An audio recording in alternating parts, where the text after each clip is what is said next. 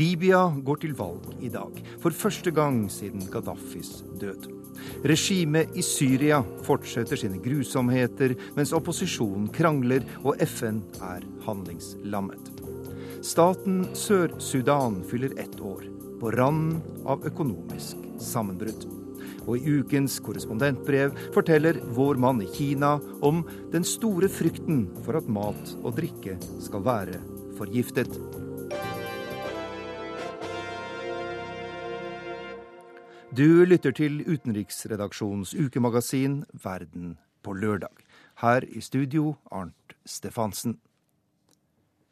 Vi starter i Libya, der det i dag holdes frie valg for første gang på flere tiår, og det aller første valget etter at Muammar Gaddafi ble drept i fjor høst. Etter Gaddafis fall har landet vært preget av vold og uro, og bare de siste ukene er flere hundre mennesker drept i kamper mellom rivaliserende klaner.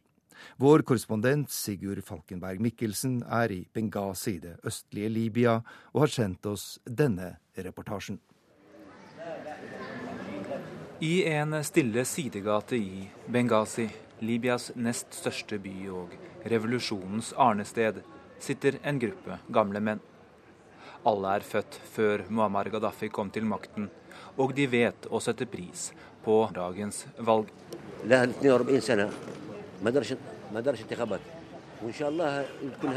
Politikerne våre var uvalgte og uten legitimitet i 42 år.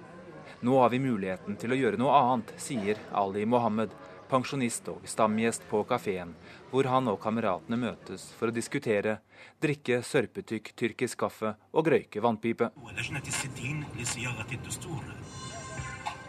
På lokalradioen her i Benghazi sendes endeløse presentasjoner av kandidatene, hva de står for, hvilken jobb de har og hva slags utdannelse. Bakgrunn er viktig i et land som så lenge har levd under Gaddafis åk, og trass landets store oljerikdommer aldri har brydd seg om å utdanne egen befolkning. Det er nesten 300 enkeltkandidater bare her i Benghazi, og rundt 130 partier på landsbasis som deltar i dette valget. Men Mohammed synes ikke det er vanskelig å velge.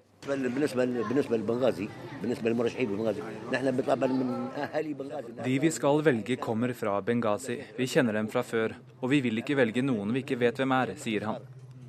Valget skal bestemme hvilke mennesker som skal skrive den nye grunnloven, og de skal utnevne en ny regjering.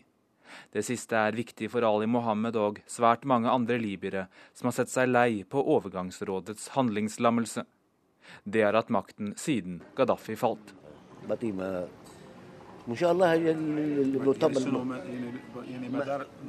De har ikke gjort noen ting på halvannet år, bare gjort ting vanskeligere og mer komplisert, sier han. Ved siden av islamistenes plass i den nye forsamlingen er det særlig ett tema som dominerer her i Benghazi. Hvordan skal det nye Libya organiseres? Den østlige delen av landet har størsteparten av oljen og industrien, og det var her opprøret mot Gaddafi startet. Men innbyggerne føler ikke at de har fått noe igjen.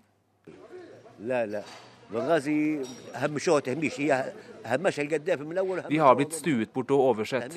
Vi hadde mye å bidra med, men ingen har hørt på oss, klager Mohammed. Av denne grunn er det de som tar til orde for alt fra sterk desentralisering til en liten gruppe av de mest ytterliggående som krever løsrivelse og vil boikotte hele valget. Sigurd Falkenberg Mikkelsen, hvordan er stemningen i revolusjonsbyen Benghazi på valgdagen? Det er jo mye spenning og glede knyttet til dette valget. og Vi har hørt biler tute i gatene her eh, i eh, hele alle morgentimene. Eh, det er jo for mange håp om en ny start. De er jo ikke særlig fornøyd med måten overgangsrådet har håndtert denne fasen etter Gaddafis fall. Det har ikke skjedd mye, og det er veldig lite som er blitt forbedret i folks dagligliv. Uh, samtidig så er det jo en litt blandet følelse her i Benghazi og i Øst-Libya. Det var jo her uh, opprøret mot Gaddafi startet, men uh, de føler ikke at de har fått noe særlig igjen. og Det reflekteres jo i antallet representanter de nå velger inn til denne nasjonale forsamlingen. De får 60 representanter mot 100 i Vest-Libya og med da Tripoli. Så de er jo redd for at det er Tripoli som skal ta all makt her. Ja, mange er jo sinte i denne østlige delen av Libya der du er nå, og noen har til og med truet med boikott og sabotasje av dette valget. Er det grunn til å frykte vold og kaos på valgdagen? Altså Det vi hører nå, er at uh, valget er uh, utsatt i to mindre byer her i øst, uh, Ashtabia og Brega. det skjer etter at et helikopter med valgmateriale ble skutt ned i går kveld. Eh, jeg traff lederen for noen som eh, kaller seg Syreneika Supreme Council. Syreneika er navnet på den østlige provinsen. og De boikotter valget eh, fordi de da er redde for at de skal miste innflytelse og at de skal gjenoppleve noe av det de gjorde under Gaddafi, nemlig å bli overstyrt fra Tripoli. Og denne lederen, Abu Bakr, han var opptatt av at de ikke skulle bruke vold, men han utelukket det ikke hvis valget fant sted. og så sent som i går kveld så trodde jo han at valget skulle bli avlyst. Eh, så den tendensen fins her også. Men jeg tviler på at det blir uro og vold på noen massiv skala. Det betyr altså at valget kan avvikles. Og, og hva betyr dette valget for det nye Libya? Symbolsk betyr det jo en hel masse. Eh, det at folk føler at de er en del av styringsmekanismen her, eh, er jo en total kontrast til sånn det var under Gaddafi. Eh, men det er en vanskelig prosess de skal inn i. Det har ikke vært noen tydelig valgkamp. Det er svært mange kandidater med uklare politiske plattformer.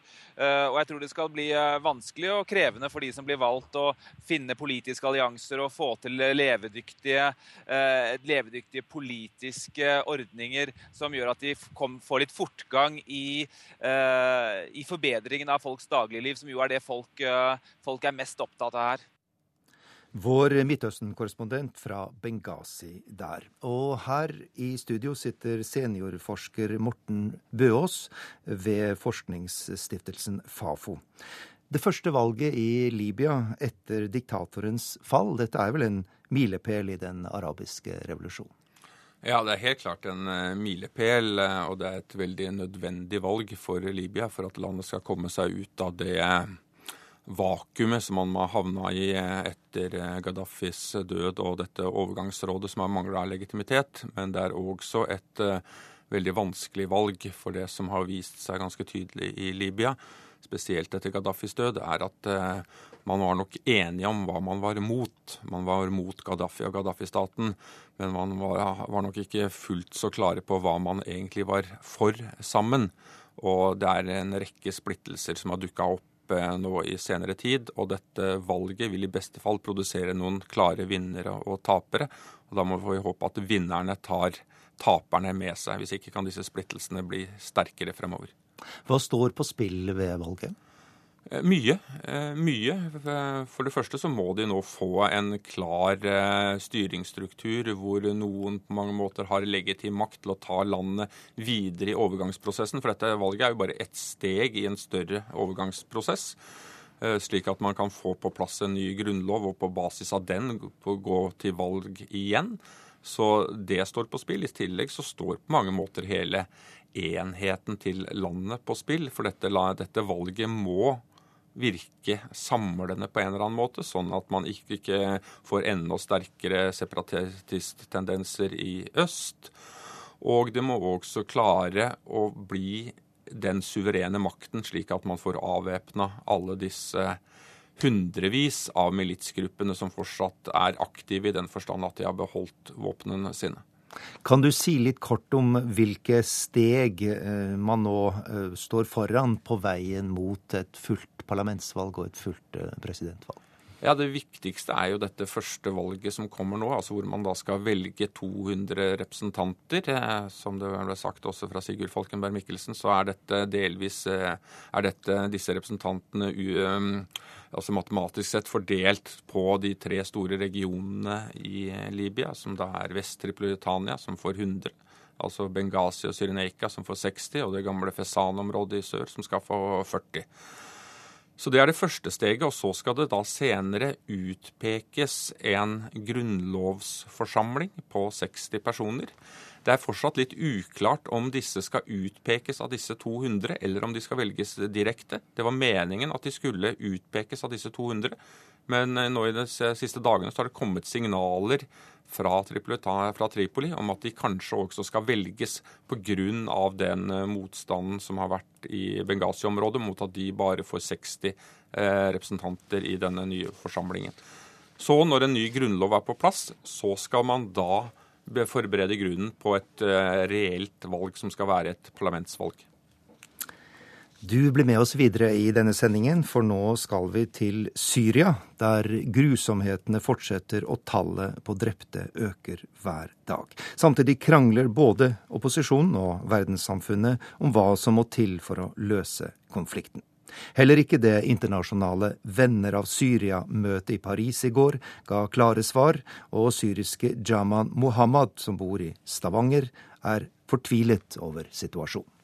Ja, det som skjer, det er eh, tragedier hver dag. Det er massakrer hver dag. Det er så trist at eh, verdenssamfunnet kan ikke stoppe dette regimet. De kan, men de vil ikke. Det er begravelse for nok et offer for den blodige konflikten i Syria. Så bryter helvete løs. Granater eksploderer midt i folkemengden. Skadde og døde mennesker ligger igjen på bakken. Nærmere 40 ble drept i dette grusomme angrepet. Ifølge øyenvitner var det styrker fra det syriske regimet som sto bak. Allahu Akbar! De siste to ukene har vært noen av de blodigste i den 16 måneder lange konflikten. Over 15 000 skal være drept siden opprøret startet. Og ikke bare verdenssamfunnet, men også opposisjonen er maktesløse, sier Jaman Mohammed, som er arbeiderpartipolitiker og syrisk opposisjonell bosatt i Stavanger. Opposisjonen de kan ikke gjøre noe. De bare går rundt og rundt og møter, samtaler, eh, treff, og det hjelper ingenting. Slik endte opposisjonens møte i Kairo denne uka. I krangel og utskjelling. Flere opposisjonsgrupper skulle prøve å bli enige om hvordan kampen mot Assad-regimet skal føres, og hva som skal skje den dagen han ikke lenger styrer Syria. Men det endte i kaotiske tilstander, og flere forlot møtet i protest.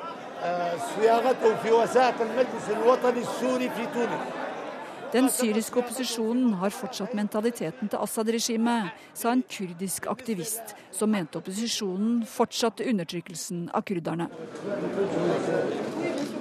I går møttes utenriksministre og representanter fra over 100 land på konferansen Venner av Syria i Paris. Og kravet er nok en gang at Assad må gå. Det er et drapsregime, sa Storbritannias utenriksminister William Hague, som sammen med flere land går inn for tøffere sanksjoner. Men Russland og Kina deltok ikke på møtet, og de har lagt ned veto mot nye sanksjoner i FNs sikkerhetsråd. USAs utenriksminister Hillary Clinton mener det er uakseptabelt, og at de to landene må straffes for ikke å ville gå lenger for å få stoppet blodbadet i Syria. I don't think Russia and China believe they are paying any price at all, nothing at all, for standing up on behalf of the Assad regime. The only way that will change is if every nation represented here directly and urgently makes it clear that Russia and China will pay a price because they are holding up progress, blockading it, that is no longer tolerable. Men Shaman Mohammed mener militære virkemidler er eneste løsningen, og viser til hva det internasjonale samfunnet gjorde i Serbia. Verdenssamfunnet engasjerte seg, gikk inn i Jugoslavia. De stoppet eh, den krigen som Milosevic har eh, utført mot eh, Bosnia og andre deler av Jugosla gamle Jugoslavia, så de klarte å stoppe han. Eh, og det var utenfor eh, Sikkerhetsrådets mandat, så da de klarer det hvis de vil. Den norske lederen for FNs observatørstyrke i Syria, Robert Mood, var kanskje mest presis i sin beskrivelse av det internasjonale samfunnets problemer på en pressekonferanse denne uka. There is this feeling that it's too much talk in nice hotels, in nice meetings, and too little action. to move forward and stop the violence. Det er mye prat på fine hoteller og lite handlinger for å stoppe volden, sa Moen. Ikke store skritt, men det er tydelige skritt. Presset øker. Det sier statssekretær i Utenriksdepartementet Torgeir Larsen, som deltok på vennemøtet i Paris i går.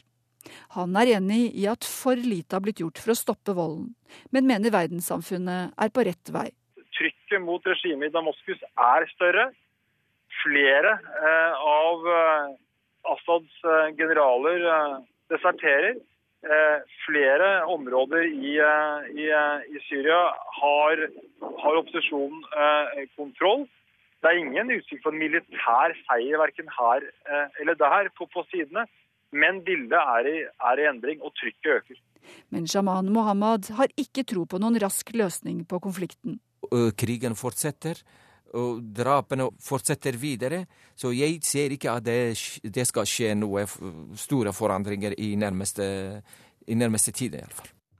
Eh, Morten Bøås, eh, seniorforsker på Fafo, du er fortsatt med oss her i studio. Sterke ord fra den amerikanske utenriksministeren under dette eh, Venner av Syria-møtet i Paris i går. Og vi hørte Norges utsending si at diplomatiet tross alt er i fremgang. Men til hvilken nytte er et slikt møte for det syriske folk? Ja, altså Det har en viss nytte. fordi at uh på tross av at verdenssamfunnet og FN kanskje ikke har oppnådd noe når det gjelder å stoppe den pågående volden, så har man nok i hvert fall bidratt til å forhindre at dette her, én har blitt en fullskala borgerkrig. For det er det ikke ennå. Og videre så har man også klart, i hvert fall til nå, å holde denne konflikten innafor Syrias grenser. Og det siste er ikke minst viktig. Så jeg har all mulig forståelse for den utålmodigheten som både aktivister og politikere eh, maner til her. Men samtidig så er dette en forferdelig vanskelig konflikt, og man har i hvert fall oppnådd å begrense den noe, og det er et gode i seg selv. Hva ligger det egentlig i Hillary Clintons trusler om at Russland og Kina skal få betale for sin støtte til Syrias diktator?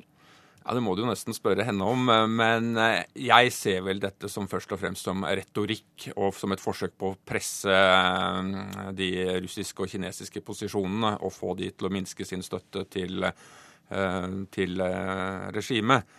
Ellers er det vel etter ganske tomme trusler. Jeg vet ikke helt hvilket straffetiltak man da ser for seg at man skal sette i verk. Det tror jeg egentlig ingen har råd til. Det snakkes mye om faren for en destabilisering av hele regionen. Hva slags scenario er det man kan se for seg? Det er noen scenarioer her som ikke er spesielt pene i det hele tatt. Fordi denne konflikten i Syria, og det er ulike konflikter som helt klart kommer til overflaten når et så knallhardt regime som dette her begynner å svekkes. Og problemet er at de konfliktene som kan komme til syne, og som kommer til syne i Syria, de har også kontaktpunkter til Libanon og til andre steder i regionen. Så faren her er, og den store faren er at dette kan utvikle seg fra en til nå en blodig, men tross alt en, ganske, en borgerkrig med relativt lav intensitet, til å bli en fullskalakrig som kan dessverre også sette hele regionen i brann hvis dette virkelig går galt. Kort til slutt, eh, hvor lang levetid har Assad-regimet, tror du?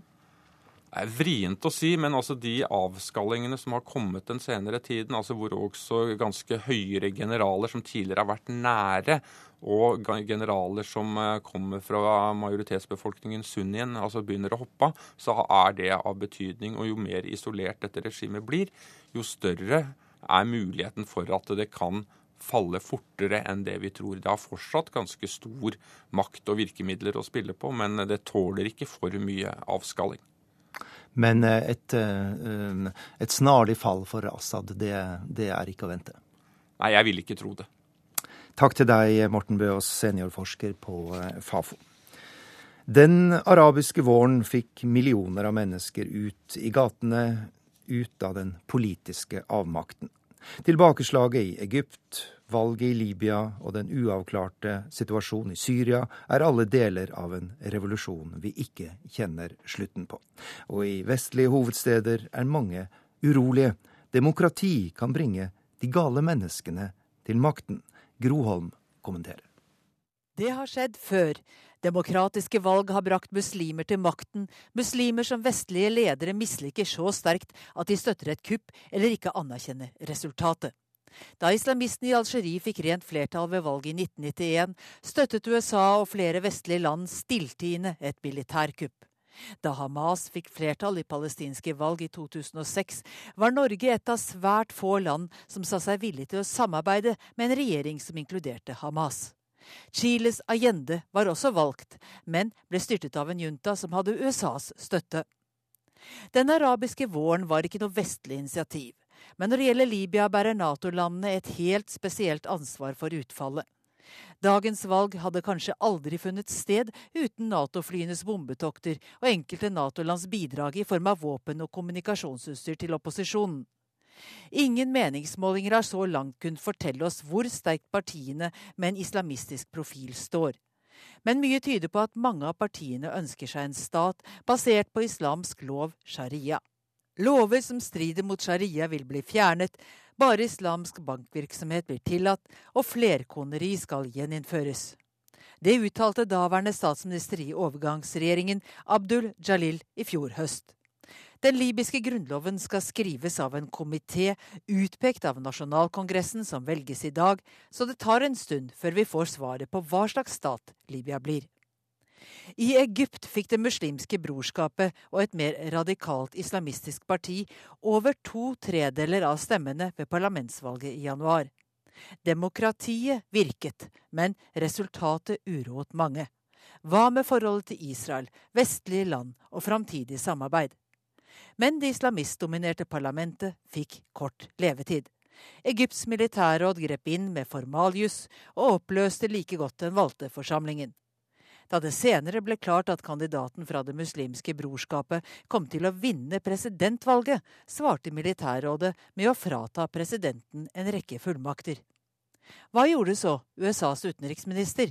Jo, Hillary Clinton roste militæret for å ha lagt til rette for frie valg. Oppløsningen av parlamentet har ikke fått konsekvenser, heller ikke for beslutningen om å gjenoppta leveringen av våpen og militært utstyr til Egypt. Bahrain er en historie for seg. I en måned okkuperte demonstrantene en rundkjøring i sentrum av hovedstaden. Titusener krevde politiske reformer, først og fremst rettferdighet for det store sjiamuslimske flertallet. Men det sunnidominerte regimet sa nei, og fikk hjelp av soldater fra Saudi-Arabia og De forente arabiske emirater til å slå ned opprøret. USA lot være å protestere, ettersom et demokratisk Bahrain ville blitt et Shia-dominert Bahrain, og dermed styrket Irans posisjon i regionen. I Syria kjenner ingen hvordan revolusjonen sluttføres. Sikkerhetsrådet er pasifisert av indre uenighet om veien videre.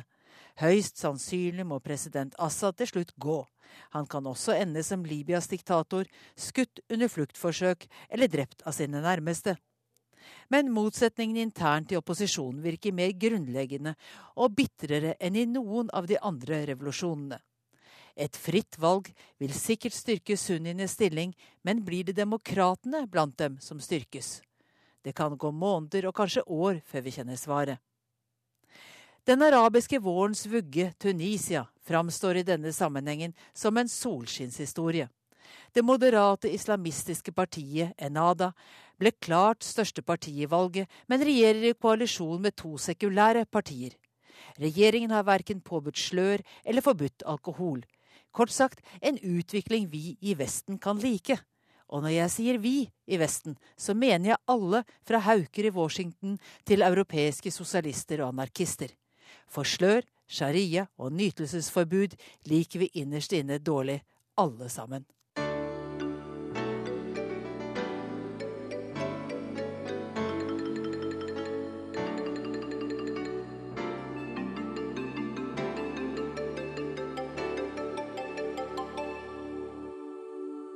Vi skal til et afrikansk jubileum, for på mandag er det ett år siden kontinentets nyeste stat, Sør-Sudan, ble født. Da var gleden stor og feiringen storslagen i Sør-Sudans hovedstad Juba. Men hvordan er stemningen der i dag, Afrikakorrespondent Lars Sigurd Sunnanå? Sammenfattet er den nedtrykt. Det er en dag hvor euforien er borte og jubelen har stilnet, som du sier. Fordi nå er snart statskassen i Sør-Sudan absolutt tom. Verdensbanken og Det internasjonale pengefondet IMF kaller situasjonen unik.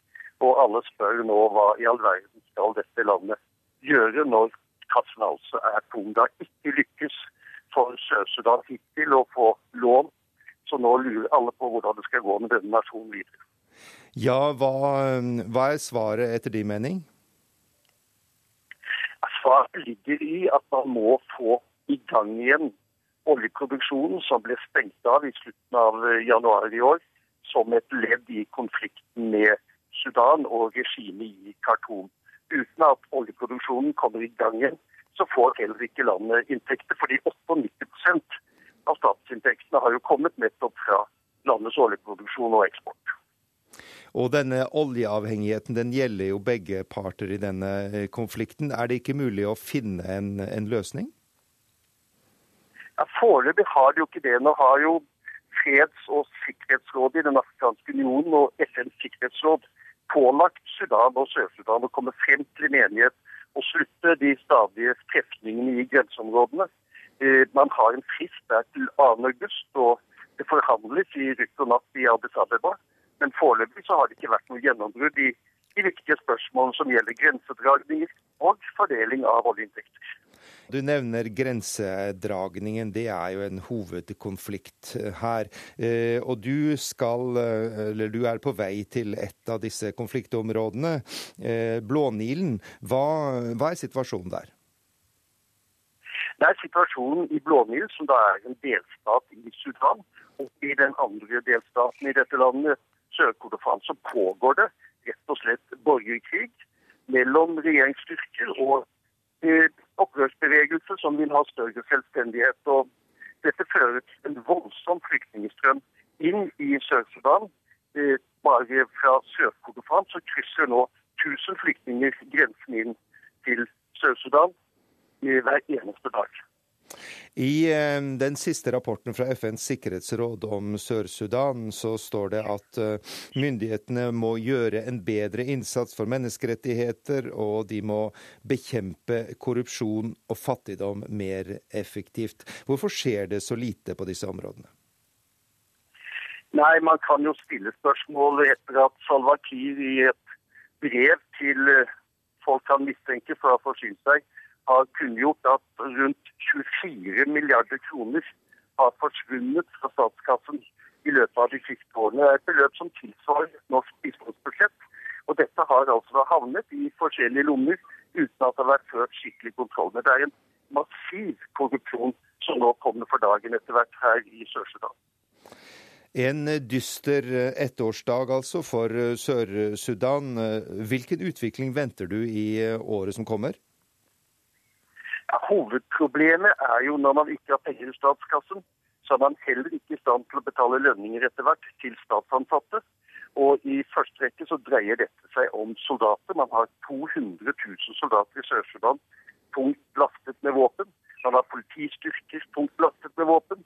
Og når da sultne soldater og sultne politifolk ikke får lønna si, så kan man jo bare regne med at det blir veldig utrygt i dette landet utover høsten. Det er en veldig faretruende utvikling som vi ser foran oss.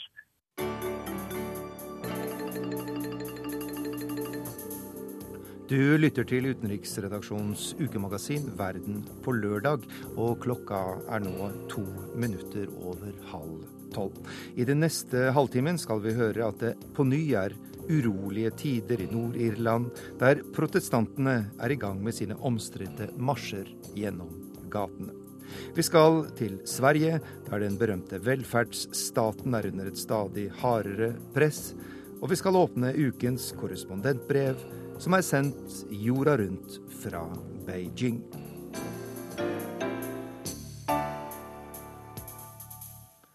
Vi skal til Nord-Irland, der den protestantiske og britisktro delen av befolkningen er i gang med sin marssesong.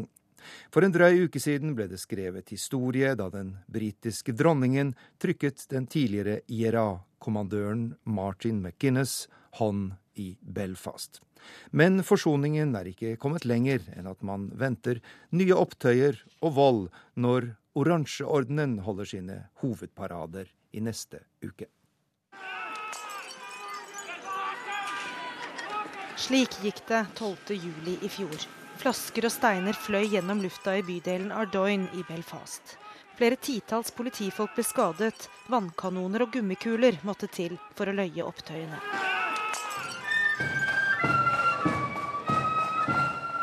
Protestantenes marsjsesong er allerede godt i gang i Nord-Irland, også i år.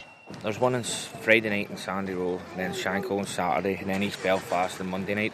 Okay. And then there'll be parades all week yeah. up until the 12th of July. George Hunter har travle dager. Han er medlem av Oransjeordenen og skal marsjere gjennom flere av Belfasts gater i løpet av uka. Fram mot den store festen den 12. juli. I've been coming here for as a wee boy, three and four times a year. Why is that? The bands on the 12th of July. All the, all the orange marches. Han er opprinnelig fra Skottland, men helt siden han var guttunge har han kommet hit for å feire slaget ved Boyne i 1690. Det var da den protestantiske kong William vant over katolske kong James. Nå har George Hunter gjort nordire av seg, og har rekruttert de to sønnene Mason og Gary på tre og fire år inn i oransjeordenen.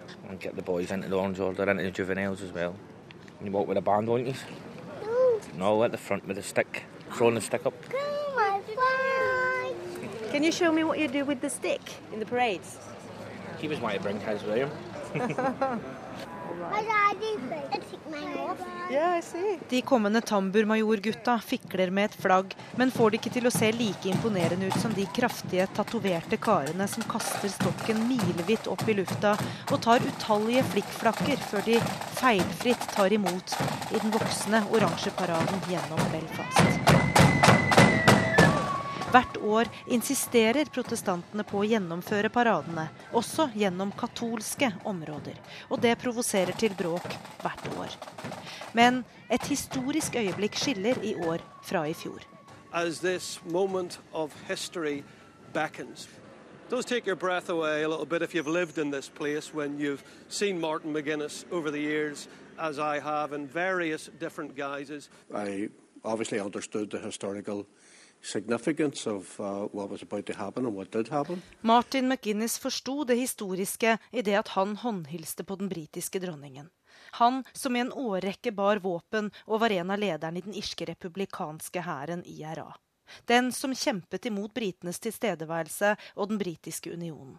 Den som har en politisk fløy som heter Sinn Fein, og som Martin McGuinness nå representerer, og som fortsatt kjemper for et samlet Irland uten britisk herredømme, men med andre midler enn tidligere. The, the last 40 years has, has been, I suppose, an incredible journey.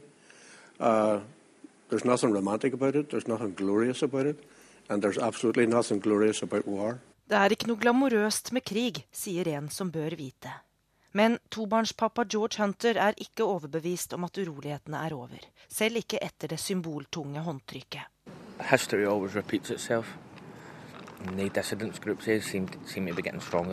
Dissidentgruppene vokser selv om politi og politikere sier noe annet.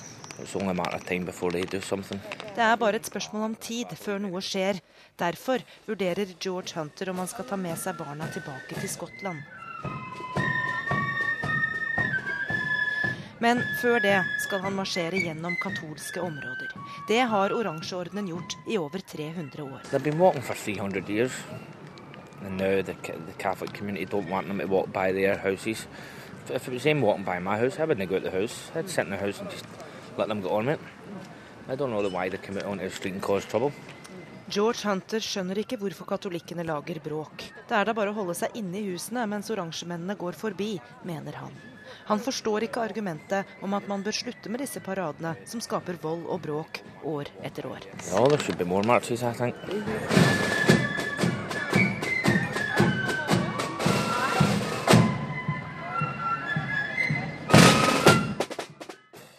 Det var korrespondent Gry Blekastad Almås som hadde vært i Belfast i Nord-Irland. Nå til Sverige, der politikken ikke har tatt sommerferie. Hele denne uka har politikere, næringslivsfolk og mange andre satt hverandre stevne i Visby på Gotland. Og mye av debatten har dreid seg om den svenske velferdsstaten, som trolig blir det viktigste temaet når svenskene går til valg om to år. Vår reporter Kjell Pilstrøm har sendt oss denne sommerlige reportasjen.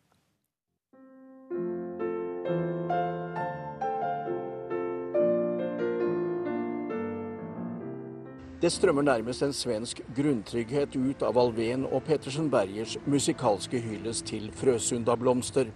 Et anstrøk av nostalgi også, kanskje. Og det finnes også innslag av nostalgi når man spør tilfeldig forbipasserende i sommervakre Visby om hvordan det i dag står til med den allmenne velferden i et Sverige som jo var selve symbolet på den moderne velferdsstaten. Det börjar ju urholkas att man mer får finansiera själv välfärden med skola och vård och omsorg. Så den er ikke som förr? Nej. Ekonomisk någorlunda trygghet ska vi säga nu mer. Lite mer tycker jag att man ska satsa på skola och utbildning. Det är den delen. Hvis jeg säger den svenske välfärdsmodellen, hva säger du da? Ja, den är ju bra, men den håller väl på att urholkas. Det är väl välfärd när de har råd att ha två bilar i familjen. Det fungerer ikke nå, da? Nej, jag tycker inte att det fungerar. Jag kan ändå uppleva att jag upp... Norge verkar vara hungrigare och bättre på det här än vad vi är. Ja, ikke rart at det pågår en intens debatt om den allmenne velferden og dens framtid i Sverige. Men i bånn ligger den bred politisk støtte for en aktiv velferdsstat, påpeker statsviteren Stigbjørn Ljunggren. Välfärdsstatens förespråkare är ju egentligen starkare idag än någonsin. Om vi med välfärdsstaten menar liksom ett system där, där staten tar ett huvudansvar för medborgarnas välfärd från vaggan till graven. Men én ting er hovedansvaret for velferden, noe annet er privatiseringen av velferdstjenestene i praksis. I knapt noe annet land kan man starte private skoler, sykehus, helse-, omsorgs- og eldresentra med så få politiske hindringer som nettopp i Sverige, sier Stigbjørn Ljunggren. Det som nå hender, det er at vi har en funktionsprivatisering. Altså staten og offentlig sektor finnes kvar som en slags overgripende hovedmann, men verksamheterna kan alt mer utføres av privata kooperativa eller andra utförare. Så att säga. Skälet till att man gjorde det här var ju att den gamla välfärdsapparaten upplevdes som stel och hierarkisk och inte eh, svarade mot medborgarnas förväntningar och så. Det här var ju en debatt som började redan på 70-talet men då var det vänstern som drev det. Och man hade idéer om hur man skulle, skulle pigga upp välfärdsstaten och göra systemen mer människoanpassade. Men den debatten förlorade eh, de som ville förändra va, i vänstern och då tog, tog högern över eh, initiativet till, hur, hur, eh, till att förnya välfärdsstaten. Og omtrent der står vi i dag, i en ideologisk strid mellom moderater, altså Høyre, og sosialdemokrater og venstrepartister, om hvordan velferdsstaten skal utvikles videre. Det nye i 2006, da Moderatene overtok regjeringsmakten, var at også de bekjente seg til den svenske modellen som sosialdemokratene hadde utviklet, sier Moderatenes partistrateg Per Slingmann. Vi bekjenner oss til den svenske modellen så som den er i dag, og så som vi vil utvikle den. Vi tror at en del av den svenske modellen er at den ikke er tradisjonell, utan den er i stendig reformering. I hvilken retning da? I en riktning mot en arbeidsmarked som alt mer preges av mångfald eh, med mycket mer strukturella utmaningar. Hur kan vi få modellen och parterna, politiken att möta de utmaningarna? Det är andra lösningar i framtiden än vad som fanns igår. Men ifølge sosialdemokratene leder Moderatene og regjeringen velferdspolitikken ut på ville veier. Her er Mikael Damberg, som er sosialdemokratenes gruppeleder i Riksdagen. Vi har eh, en generell välfärdspolitik som knakar i fogarna där väldigt många människor har lämnat a-kassan. Över en halv miljon människor har lämnat a-kassan och vi ser också sjukvårds, som har stora problem där människor som blir sjuka blir kastade ut och in ur systemet och så. Så det, det är en utmaning samtidigt som vi har väldigt hög arbetslöshet. 8% arbetslöshet, till och med högre än när den här borgerliga regeringen. Professor Bjørn Vinden ved Norsk institutt for forskning om oppvekst, velferd og aldring ser en tøffere ideologisk strid om den allmenne velferden i Sverige enn i Norge. Det er nok en litt tøffere ideologisk debatt i Sverige. Jeg tolker det slik at svenske sosialdemokrater har gitt litt opp og, og, på en måte nærmet seg moderaterne. Også fordi at Reinfeldt jo i praksis har brakt til moderaterne nærmere sentrum på en del punkter, og presenterer seg jo selv også som det nye Arbeiderpartiet. Det er vi som står opp for arbeidslinjen. Det är vi som inte kompromissar med ordning och reda i ekonomin. Det är vi som tar ansvar för jobben och välfärden. Det är så ett modernt arbetarparti bygger Sverige starkt för framtiden. Tack ska ni ha. Slik avsluttet statsminister Fredrik Reinfeldt årets tale under den pågående politikeruka på Gotland. Moderatene, det moderne Arbeiderpartiet, som tar ansvaret for velferden. Det er utsagn som pådrar seg både fnys og harselas på venstresiden i svensk politikk. Men statsviteren Stigbjørn Ljunggren, som har doktorgrad på det svenske Høyres forhold til staten, har sitt syn på saken. Jeg skal uttrykke det så her. Sosialdemokratiens storhet i Sverige berodde på at man erøvret mange av de borgerlige institusjonene og gjorde dem til sine. Det her tror jeg at, at Moderaterna har lært seg av nå. At de forsøker å erövra de sosialdemokratiske institusjonene og gradvis føre over dem til borgerlige grunnverderinger. Det de vil ha, er arbeiderpolitikk uten sosialisme.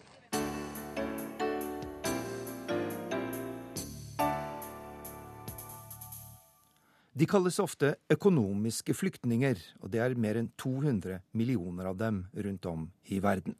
For de fleste av oss er dette et negativt begrep, men det skjer endringer. Et land som bidrar til det, er Filippinene, som har en svært høy utvandring. Der gjør myndighetene nå en stor innsats for at deres landsmenn skal bli godt behandlet i sine nye hjemland. Joar Ho Larsen har laget denne reportasjen. we are acknowledging their right to move. And of course, at the, at the other end of it is that they have also the right to stay. Imelda Nicolas leder Direktoratet for oversjøiske filippinere. Der har de som utgangspunkt at det er enhver filippiners rett å forlate landet.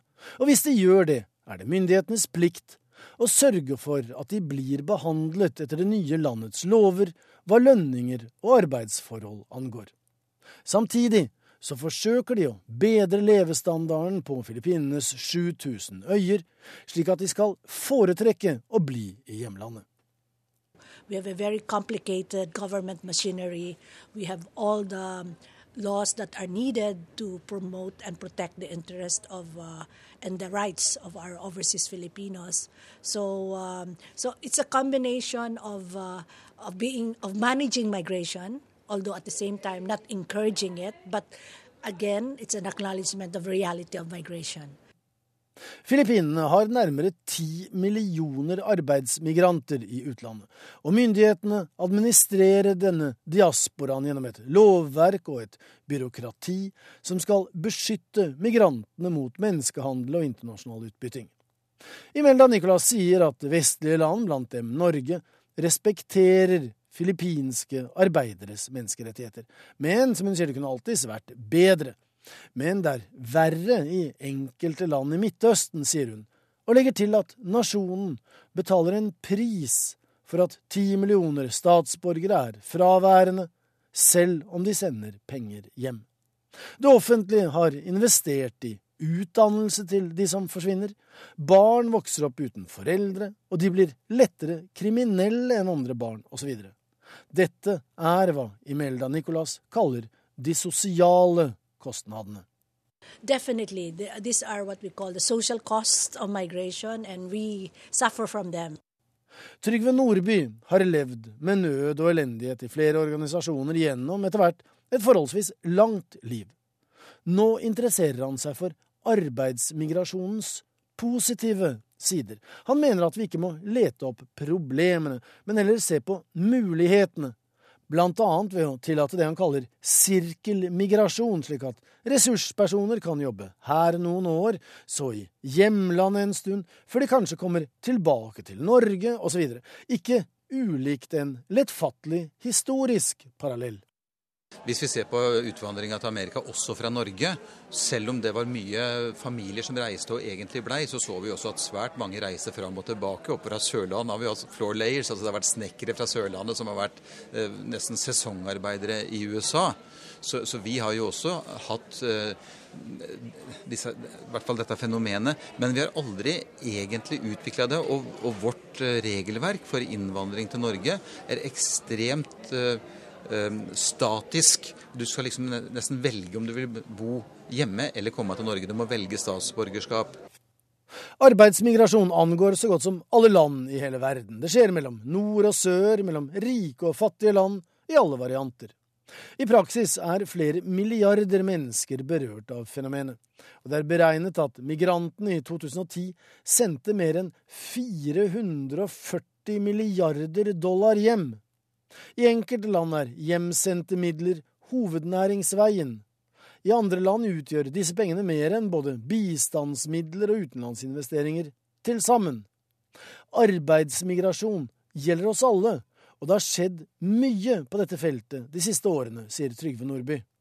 Det er en radikal eh, endring til det, til det, positive her i at eh, land som Filippinene og mange avsenderland har drevet fram en eh, internasjonal diskusjon om hvordan vi best kan eh, støtte opp om de positive sidene av migrasjon. Så dette kommer vi til å snakke veldig mye mer om i tida som kommer. Du nevnte ikke Norge? Nei, Norge har ikke meldt seg på denne debatten. Eh, Norad og Bistandsdepartementet er praktisk talt helt fraværende. Vi har hatt et par tendenser til noen småprosjekter. Eh, men eh, det ser ut som vår tradisjonelle bistand på ingen måte har oppdaga kraften som ligger i å koble migrasjon og utvikling.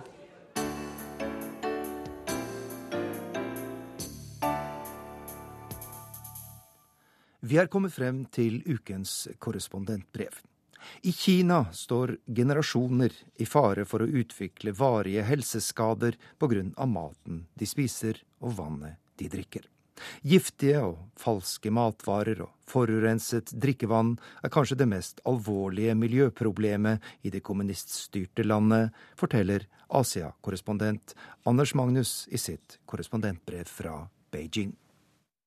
Resirkulering og gjenbruk av gamle sko kan synes som en vakker og miljøvennlig tanke. Men kanskje ikke likevel, hvis de resirkulerte produktene havner i din egen kropp og inneholder store mengder svært giftige tungmetaller. Akkurat det fikk millioner av kinesere oppleve ganske nylig. Kanskje jeg selv også, for alt jeg vet.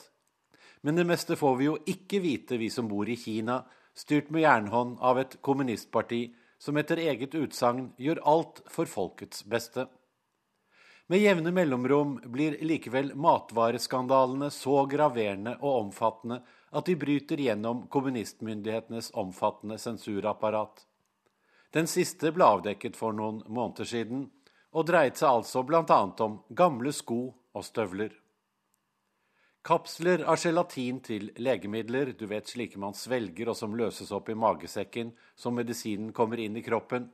Slike kapsler lages av industribedrifter som vanligvis bruker dyrehuder til å produsere gelatinen. I Kina fikk noen artige forretningsfolk den gode ideen at de kunne tjene masse penger på å bytte ut råvarene. I gryta puttet de i stedet gamle sko og støvler, pluss råttent lær og avfallslær fra fabrikker som laget sko og vesker. Billige saker, nesten gratis råstoff. Gelatinkapslene så helt like ut som de ekte og ufarlige. Forbrukerne merket ingenting, og businessfolkene kunne stappe sine grådige lommer fulle med fortjenesten fra de falske medisinkapslene. Lenge gikk det bra, inntil noen ble syke av medisinen som helst skulle gjort dem friske. Da medisinkapslene seinere ble analysert, fant man ut at de inneholdt 90 ganger så mye av tungmetallet krom som den høyeste tillatte mengden. Krom brukes i behandling av industrielt lær, men er ikke særlig å anbefale til produkter som man skal ha inn i kroppen. For mye krom kan forårsake sår på huden, nyre- og leverskader, kreft og tidlig senilitet. En heller dårlig miks med medisiner, altså. Etter hvert som myndighetene ble tvunget til å reagere på rapporten i pressen og på de mange mikrobloggene i Kina, ble det oppdaget hele ni bedrifter som laget giftige gelatinkapsler til 13 av de vanligste medisinene som blir solgt i Kina, bl.a. smertestillende piller. I kjølvannet av pilleskandalen kom nye rykter på nettet om at også meieriindustrien brukte slik avfallsgelatin som tykningsmiddel når de laget yoghurt og puddinger. Meieriene avviste selvsagt dette, men skal vi tro på dem? Etter melkeskandalen for noen år siden og alle andre matskandaler hvor folk dør av den giftige maten. Alle disse skandalene startet med at de ansvarlige avviste at noe som helst galt hadde skjedd. Man blir ganske nummen av slike nyheter. På den ene siden blir vi etter hvert livredde for alt vi putter i munnen som kommer fra kinesiske produsenter. På den andre siden blir vi oppgitt og fortvilte over at det er ingenting vi kan gjøre, og at ingen kan stole på myndighetenes såkalte næringsmiddelkontroll. Forbrytelser som ennå ikke er oppdaget av offentligheten, kan holdes godt skjult under et tykt lag med penger til de aktuelle myndighetene. Kontrollørene elsker slike forbryterske bedrifter. De gir grunnlag for en stabil strøm med store korrupsjonspenger.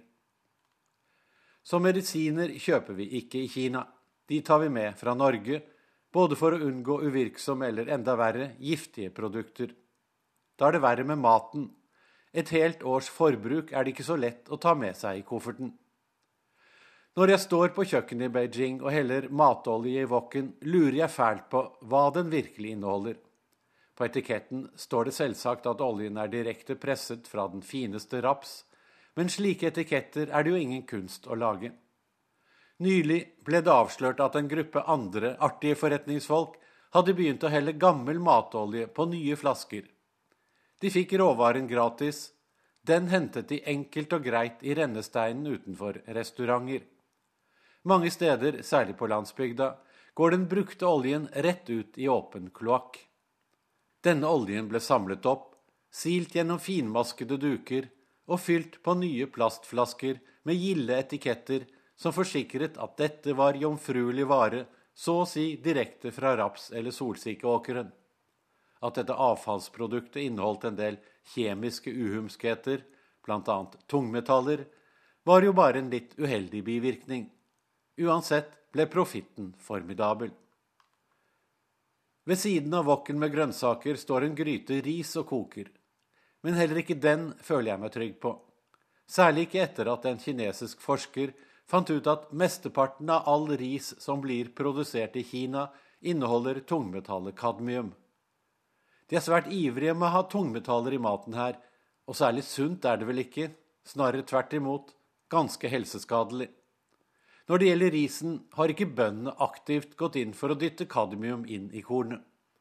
Derimot har myndighetene, dvs. Si kommunistpartiet, tillatt å bygge all slags kjemiske fabrikker like inntil rismarkene. Og det er tungmetallene som spys ut i luft og vann fra disse fabrikkene, som forurenser åkrene og fører til at risen tar opp i seg tungmetallene. Bly er det også nok av i luft og vann mange steder. Fabrikker som lager tinnfolie og bilbatterier, forurenser så mye at hundretusener av kinesiske barn, kanskje millioner, har blitt blyforgiftet. Blir blynivået i kroppen høyt nok, kan det føre til alvorlige hjerneskader som hindrer normal utvikling og læring for disse barna, i tillegg til andre sykdommer som for mye av tungmetallet bly medfører. Noen bønder som drev med produksjon av andegg, syntes derimot at blymønje kunne ha en god virkning. De blandet blymønje i fôret til endene, for da fikk eggene så røde og fine plommer og kunne selges til en høyere pris enn vanlig andeegg med gule plommer. At det kom litt ekstra giftig bly med på kjøpet? Pytt sann. Forurensning med tungmetaller og andre miljøgifter er så omfattende at hele 70% av Kinas vannforsyning fra elver og sjøer er regnet som helseskadelig og uegnet som drikkevann. Men det finnes ikke så mange alternative vannkilder, for også grunnvannet er tilsølt. I dag regner myndighetene med at av Kinas 1,3 milliarder innbyggere må minst 1 milliard drikke vann fra kilder som er svært skadelig for helsen. Årsaken er at en tredel av alt flytende industriavfall går rett ut i sjøer og elver, sammen med 90% av kloakken Urenset, selvsagt. Kreftfremkallende kadmium samt fluor og arsenikk finnes i drikkevannet over store deler av landet. Selv tar jeg ikke sjansen på at vann i hovedstaden Beijing skal være noe unntak, så hjemme på kjøkkenet i korrespondentleiligheten har vi installert en vanntank som jevnlig fylles opp fra tønner av kostbart kjøpevann. Det skal visstnok være trygt. Jeg sier visstnok, for selvsagt er det avslørt at noen av bedriftene som selger slikt kjøpevann, har jukset og fylt gratis vann fra springen på sine eksklusive plasttønner eller mindre plastflasker. Dermed stiger fortjenesten skyhøyt i været, og alle som kjøper det dyre vannet, får i seg akkurat like mye farlig forurensning som fattigfolk uten råd til det dyre, men antatt tryggere flaskevannet. Hittil har de fleste kinesere ikke visst hvor farlig de lever, for matskandalene blir bare rapportert i de statskontrollerte mediene når de er så omfattende og grove at de likevel kommer til å bli kjent, gjerne ved hjelp av utenlandske journalister som bor og jobber i Kina. Men noen få har sett seg grundig lei på å aldri få vite hva de får i seg ved middagsbordet. I mai i år lanserte en ansatt i et kinesisk IT-selskap smarttelefonappen China Survival Guide. Her legges det hver dag ut nye avsløringer av giftige, dårlige og falske matvarer. Tre dager etter lanseringen var China Survival Guide den hyppigst nedlastede appen, med over 200 000 brukere. Folk vil jo gjerne vite hva de putter i seg, også i Kina. Da jeg i mai var hjemme i Norge i forbindelse med det årlige korrespondentmøtet, holdt bøndene på med aksjoner fordi de var misfornøyde med jordbruksoppgjøret. Mens noen kanskje hisset seg opp over bøndenes protester, kunne jeg ikke unngå å tenke på hvor heldige vi er her hjemme, som har bønder og matvareprodusenter som bryr seg om at produktene deres er rene og sunne og ikke giftige og helsefarlige, og at disse folkene egentlig er gull verdt. De lager jo det vi lever av, alle sammen. Korrespondentbrevet fra Beijing avsluttet denne Verden på lørdag-sendinga. Teknisk ansvarlig var Karl Johan Rimstad, produsent Elise Flåten Øygarden og her i studio Arnt Stefansen. Du kan lytte til en kortversjon av denne sendinga på P2 i ettermiddag klokka 16.40.